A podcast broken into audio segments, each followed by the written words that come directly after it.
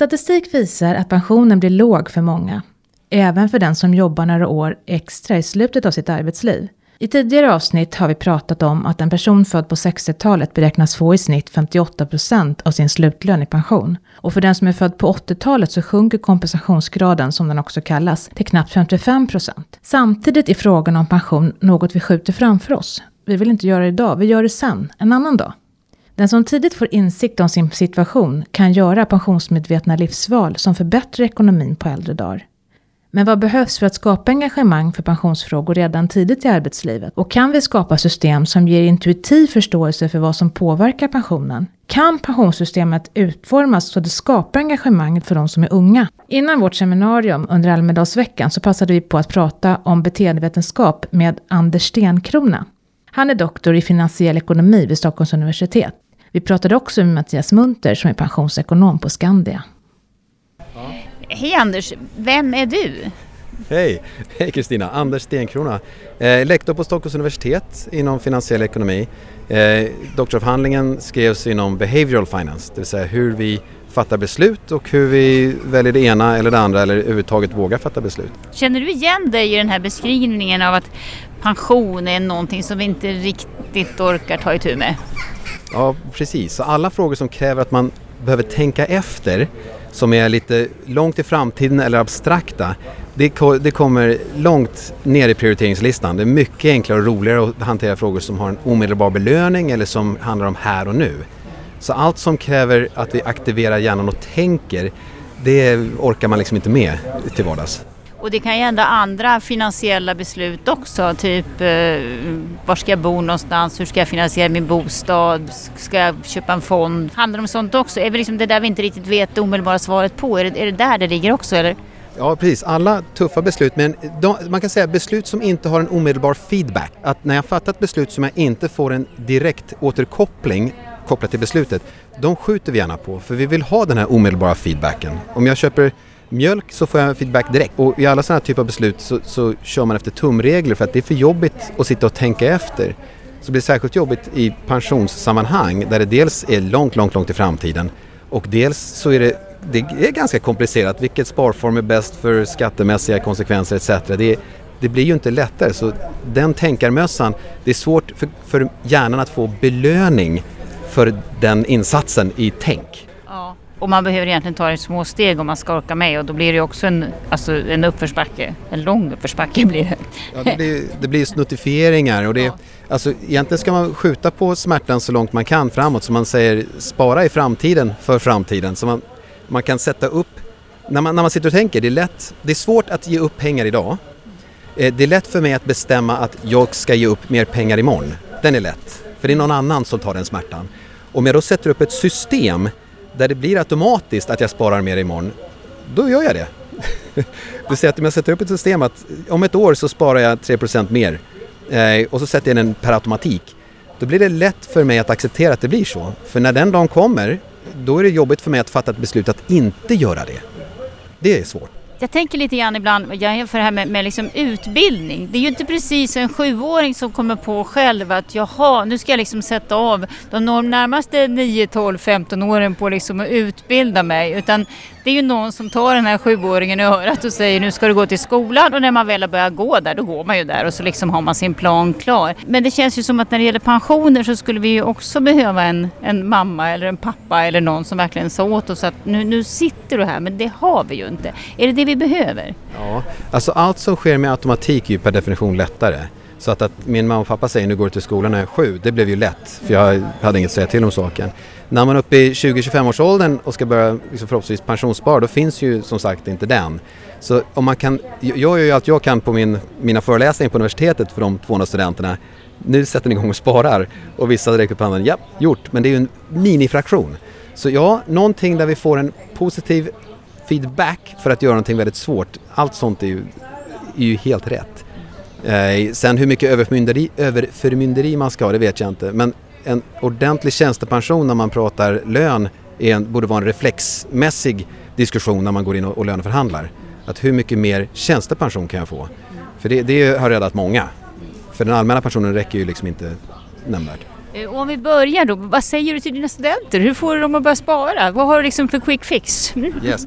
Det, det, det jag visar dem tydligt är ränta på ränta-effekten. Det vill säga att man ser inte, det svåraste som finns för människor är att fatta ett beslut som inte ger en omedelbar belöning. Det, det är liksom, varför ska jag göra det? Och potentiell förlust, för man ser bara att det där kan gå dåligt. Men om man visar dem ränta på ränta-effekten och säger att kolla här, efter 20 år så kommer ni tacka mig därför att här börjar det kicka in. Så gör det, glöm det och så kan du bli miljonär här borta. Att man visar dem att de får se den upfront, ränta på ränta-effekten som är så svår att förstå helt naturligt om man inte får den verkligen konkret visad för sig. Och jag har också övningar där de får räkna på ränta på ränta-effekten när de ser, ja men här, här kickar det ju in. Så jag tror man, man nästan behöver göra sådana saker för att man självmant ska spara mer. Det skulle behövas lite mer av det i skolan redan menar du också kanske på, ja i alla fall på gymnasienivå? Oh ja, alltså jag visste ju knappt vad en aktie var när jag gick i gymnasiet. Nej. Så att, eh, det, det, det, tror jag definitivt. Och, och den åldern så är man ganska peppad för livet. Så jag tror, och man är van vid att leva på ganska lite pengar. Så att, att stoppa undan proportionellt sett rätt hög slant i den åldern tror jag skulle funka rätt bra. Men samtidigt är det ju så som man pratar om ofta när man börjar prata premiepension och allt annat att ja, men det finns ju en baksida på myntet också. Ibland går det ju ner eh, kraftiga fall och har man då liksom sitt pensionskapital och så försvinner 30 procent. Eh, hur ska man liksom förbereda sig för det? Jo precis, alltså det, det, är en av orsakerna till att folk inte fattar beslutet. Ja. För man säger, går det ner så gör det så vansinnigt mycket, mycket mer emotionellt ont mm. än om det går upp. alltså känslan när det går upp så mår man bra, när det går ner så är känslan två och en halv gånger värre än ja. vad den, den goda är. Eh, så att det är ju en sak som gör att folk inte vill göra det här. Alltså budskapet till det är att spara kontinuerligt hela vägen igenom lågkonjunkturer. Eh, det är det, det är det bästa rådet man kan ge. Visst, det finns ingen garanti för att det här kapitalistiska samhället fortsätter och att menar, 5% per år som det gjorts de senaste 100 åren fortsätter. Men det är den bästa gissningen vi har. Det, det finns ingen bättre gissning om hur man ska investera sin pension. För gör man det utan ränta, då går man miste om hela ränta på ränta-effekten och då, det är ännu värre. Den så att säga, alternativkostnaden, den förlusten av att inte få avkastningen är ännu värre än en 30% dipp här och där. Det kanske vi borde prata mer om, det är intressant. Eh, man ska egentligen sluta läsa tidningar när lågkonjunkturen kommer. Ja. Ja, ja. ja, men precis, man ska inte, det är, det är precis det som säljs, man ska inte gå på den här rädsla-reflexen att eh, åh oh, hjälp, nu går det ner, nu går jag ur. För då är man alltid steget efter. Man går in när det gått, man går ur när det redan gått ner och man går in när det redan gått upp. För man bara följer vad alla andra gör. Och det är typiskt en eh, säga, beteendevetenskaplig grej som vi bara gör. Så att, att sätta sig, binda sig vid masten och ha en strategi tidigt och bara kontinuerligt göra det här som en automatisk grej, sparande alltså. Det, det är nog ett vinnarkoncept. Eh, sen säger du också, det ger lite arbetsgivarna en känga för att de faktiskt inte pratar mer om tjänstepension. Så det, det tycker du och kanske facket också. Eh, finns det något mer? Alltså politikerna, vad skulle de kunna göra? Och sen pratar du pratar också om alltså, incitament till sparande. Har du någon, någon, någon bra idé? Nej, knappast några idéer till politikerna. De har nog tänkt på allt och lite till. Eh, men för mig känner jag spontant, jag tror många som mig känner spontant att det känns krångligt med sparande. Vad gäller inte bara att jag ska stoppa in pengar i en, i en sparkonto utan det är olika typer av sparkonton med olika typer av skattesatser, med olika typer av förmåner. Och det, när något redan är emotionellt jobbigt, som att avstå från konsumtion och dessutom lägga på regler som gör det jättebesvärligt att sätta sig in i, då stänger man ner. Eh, till exempel, det är busenkelt för mig. Jag skulle kunna nu inom loppet av två minuter kunna låna 20, 20 000 kronor på en sms-sajt med extremt ofördelaktiga villkor. Det ska jag kunna göra bara så. Men om jag går till en bank och säger hej, jag vill sätta in 20 000 spänn för långsiktigt sparande. De skulle vända ut och in på mitt liv. Var fick du de där pengarna ifrån? Är du knarklangare? Det, det skulle vara jättekomplicerat att svara på alla Mifid-frågor. Så att det, det är riggat till att vara jättesvårt att göra någonting som redan är emotionellt svårt. Där kunde man behöva någon typ av enklare lösningar. Sen har ju du, som du var inne, lite grann inne på också, att man på något sätt ska boosta sig själv. Att du ska börja spara lite och få det att växa. Eh, jag avbröt lite där kände jag, så du får gärna repetera ditt trick där. Ja, precis. Alltså det här var någonting som Richard Thaler, han som fick eh, ekonomipriset i Nobels minne i höstas, han tog upp det här 2001 och gjorde tester och såg att det här är ju fantastiska sparökningar. Eh, det, han, han kallar för Save More Tomorrow. Eh, spara för framtiden i framtiden kan man säga på svenska. Och det handlar om att han gav en grupp människor olika val och sa ni kan spara 5% till er tjänstepension eller 3,5% till er tjänstepension idag och så ökar vi det på ett schema med 3 procentenheter per år i fyra år. Eh, och det, det triggar ju en mängd saker hos den naturliga människan. Ett, 3,5% är lägre än 5, ja men då tar jag den. Och sen att spara mer, ja men det vet jag är smart, men jag slipper göra det. Det är den där killen i framtiden, Framtid-Anders, som gör det. Han kan ta den smällen. Det är, det är jättelätt att liksom lassa på smärta hos någon annan än mig själv. Alltså mitt framtida jag, för jag vet ju att det är bra. Ha, så efter tre år, två, tre år så är du uppe i en 13,5% i snitt visar det sig i spar, eh, 13,5% av din lön sparas i tjänstepension istället för till exempel 5% som de här ursprungliga gruppen hade. Och det är en enorm vinst. Och det här sker automatiskt, det är inte så att du måste fatta de här besluten hela tiden? Exakt, du fattar beslutet ja. en gång ja. och du kan opta ur när du vill. Mm. Det är bara att när du har fattat beslutet så är det jättejobbigt emotionellt att opta ur, för du vet att det är bra. Så du anpassar dig hellre till det här beslutet du gjorde tidigare. Det är mycket skönare. Så vad du gör är att du har plötsligt en mycket högre sparkvot på ren automatik.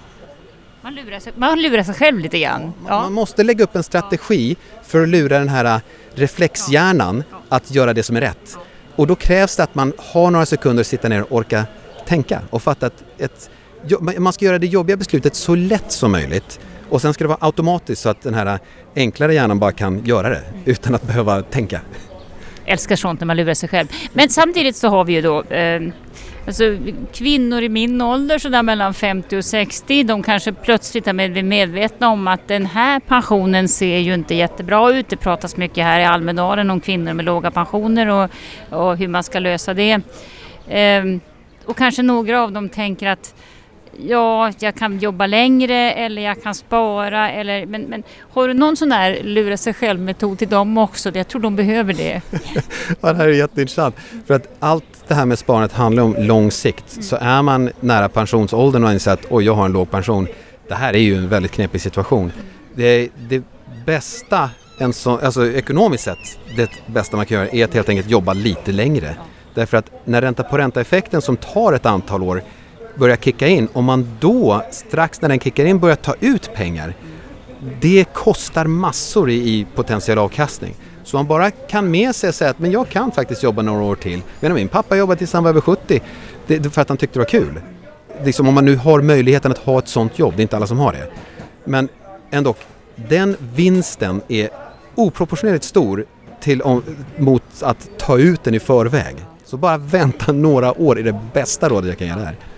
Och kanske lära sina barn att börja i så fall spara li lite grann fast tidigare. Ja, det vore det bästa arvet de kunde ge. Ja.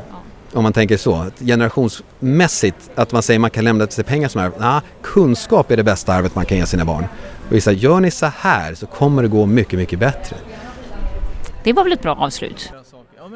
Hej Mattias Munter, vem är du? Jag arbetar som pensionsekonom på Skandia. Mm, och det har du gjort länge? Ja, det har blivit några år nu. Jag vet faktiskt inte om det är fem år nu som jag är uppe i, i rollen. Men jag har eh, jobbat i branschen med pension i en eller annan form i tolv år nu. Och du är fortfarande ganska ung. Eh, men däremot så är det ganska roligt för du har ju tittat nu på eh, när vi börjar jobba. Och det är ju flera än du som har tittat på det här med att man säger att vi börjar jobba allt senare och senare i livet av olika skäl. Eh, nu har du gjort en ny rapport på det här. Vad visade den? Det vi ser är att vi har ju i Sverige en av de högsta examensåldrarna eh, på, bland akademiker vilket gör att etableringsåldern på arbetsmarknaden skjuter i höjden och, och den eh, är 28 år för, för många grupper och 28-29 i, i, flera fall. Och jämför man med Storbritannien till exempel där har man 25 år, det är fyra års skillnad. Och det här får en större effekt på pensionerna än vad man tidigare har trott. Eh, och när man tittar på typfallsberäkningar som myndigheten gör så brukar man ofta använda 23 som en standard etableringsålder ålder vilket gör att det blir lite missvisande att titta på de här typfallen för att eh, de här sena, sena etableringen slår mer än vad man tror. Mm. Ja, och då kan man ju säga också i det gamla systemet då var det okej okay att jobba 30 år. Då kunde man ju liksom, det räckte, sen fick man en, en, bra pension och då kunde man ju faktiskt slarva lite på universitetet och vara sån här överläggare som det hette på den tiden. Men idag så pratar vi om att du måste jobba minst 40 år, kanske 43, 44 för att få ungefär motsvarande pension. Och räknar man då med 28 år och du kommer ut på arbetslivet då, då, då får man ju jobba rätt länge. Eh, då undrar jag, om man nu känner att man känner igen sig i det här, att jag har börjat jobba sent i livet och börjat tjäna ordentligt med pengar först när jag liksom har passerat 30. Eh, vad gör man då? Alltså det vi ser för det första ska man vara beredd på att jobba lite längre. Det kommer alla att behöva göra. Eh, men man behöver också spara på egen hand. Eh, och där ser ju vi att det saknas en tydlig sparform för det. Eh, Den högavlönade får eh, ibland möjligheten att löneväxla sig till en bättre tjänstepension. Men för övriga så har man egentligen ingen dedikerad sparform för just pension. Så därför föreslår vi allemanspension som en ny bred sparform för pensionssparande. Hur är det tänkt att fungera? Om vi jämför med det här gamla avdragsgilla pensionssparandet som då försvann för några år sedan. Då hade man alltså möjlighet att spara och så fick du dra av det på skatten och så fick du visserligen skatta för de där pengarna när du blev gammal. Men då var ofta skatten lägre. Hur tänker du? Är det här ett likadant sparande eller hur funkar det? Här? Nej, vi har gjort det betydligt enklare. Vi tror ju att eh, lösningen är sällan att gå tillbaka till en gammal modell, men vi ser klart behovet av ett privat pensionssparande eh, och därmed så har vi gjort en, en, en liknande lösning eh, men utan avdragsrätt. Eh, så det man får som fördel av att man dedikerar sitt sparande till pensionen det är att man får en lägre avkastningsskatt, det vill säga skatten som belastar kapitalet löpande. Den är betydligt högre om du ska ha ett friare sparande som du kan ta ut när som helst, som man till exempel exempel kan göra ett investeringssparkonto eller en kapitalförsäkring. Här ser vi att här ska man, här ska man dedikera sparandet till pension eh, på samma sätt som en tjänstepension fungerar, att man får ta ut det med vissa begränsningar under en, man måste ta ut den under en viss tid, man måste ta ut den från tidigast en viss ålder. Så det, där har man det tydliga pensionssyftet med sparandet och för det så får man då en lägre avkastningsskatt. Vi blandar inte in några skattekrediter i form av avdragsrätt, så en betydligt enklare, renare eh, och tydligare sparform. Och du skattar fortfarande som inkomst när du tar ut pengarna? Nej, det gör man inte. Eftersom man sparar skattade pengar, man har alltså ingen avdragsrätt, så är det också skattefria utbetalningar. Så den enda skatten vi pratar om det är alltså kapitalbeskattningen, på, alltså den här löpande avkastningsskatten på kapitalet varje år. Det är den enda skatten som är inblandad i det här fallet. För jag sparar mina färdigskattade pengar och jag får skattefria utbetalningar. Fördelen med det är ju, alltså den gamla eh, avdragsgilla sparandet fick ju lite kritik för att det egentligen gynnade de som alltså hade höga löner och därmed hög skatt när man sparade de här pengarna.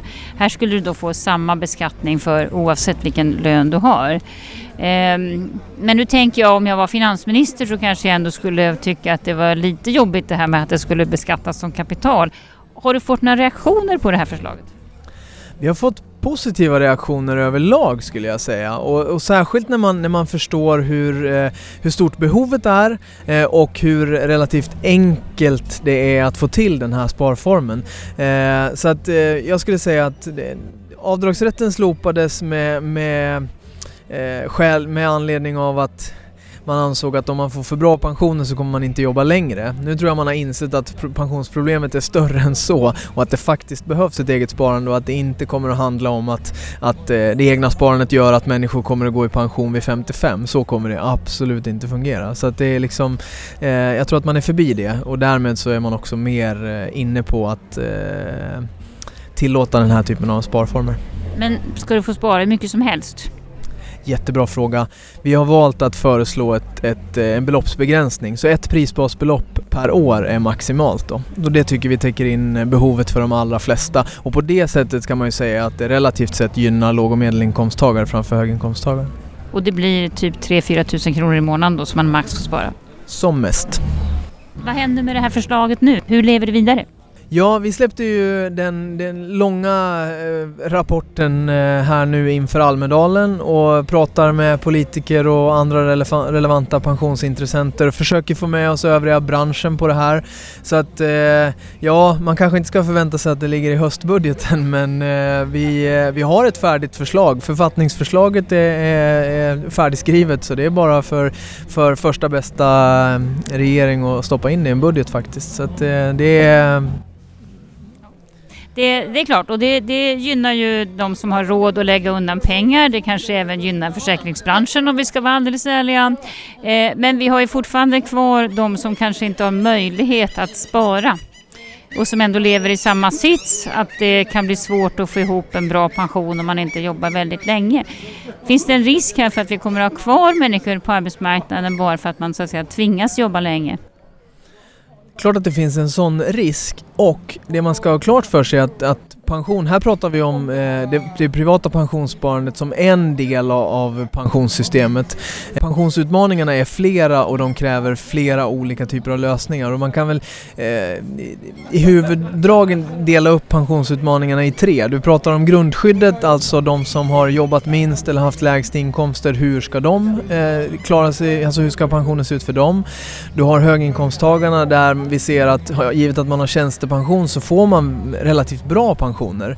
Men så har du den här stora breda massan i mitten som faktiskt kommer att få, som har gjort allting rätt, som har jobbat 30-40 år, haft hyggliga inkomster men som får i förhållande till den lön man har när man går i pension så får man den sämsta pensionen i förhållande till den. Alltså pension, man brukar prata om kompensationsgrad. Så att det, det, det, är den stora breda massan i mitten som får minst i förhållande till sin sista lön. Och det är de som mest adresseras med det här förslaget om privat pensionssparande. Vi ska prata om grundskyddet också, men om man tittar relativt sett så kommer de, de har haft låga inkomster eller inga inkomster genom hela livet, så skillnaden för dem att gå i pension blir inte lika stor som den blir för de som har jobbat länge, haft alltså medelinkomster i princip princip. Deras pensioner blir typiskt sett lägre än eh, den här gruppen som har haft det sämst och svårast under livet. Ja, och det har vi ju visat i våra kompensationsgradsberäkningar som min pension gör varje år.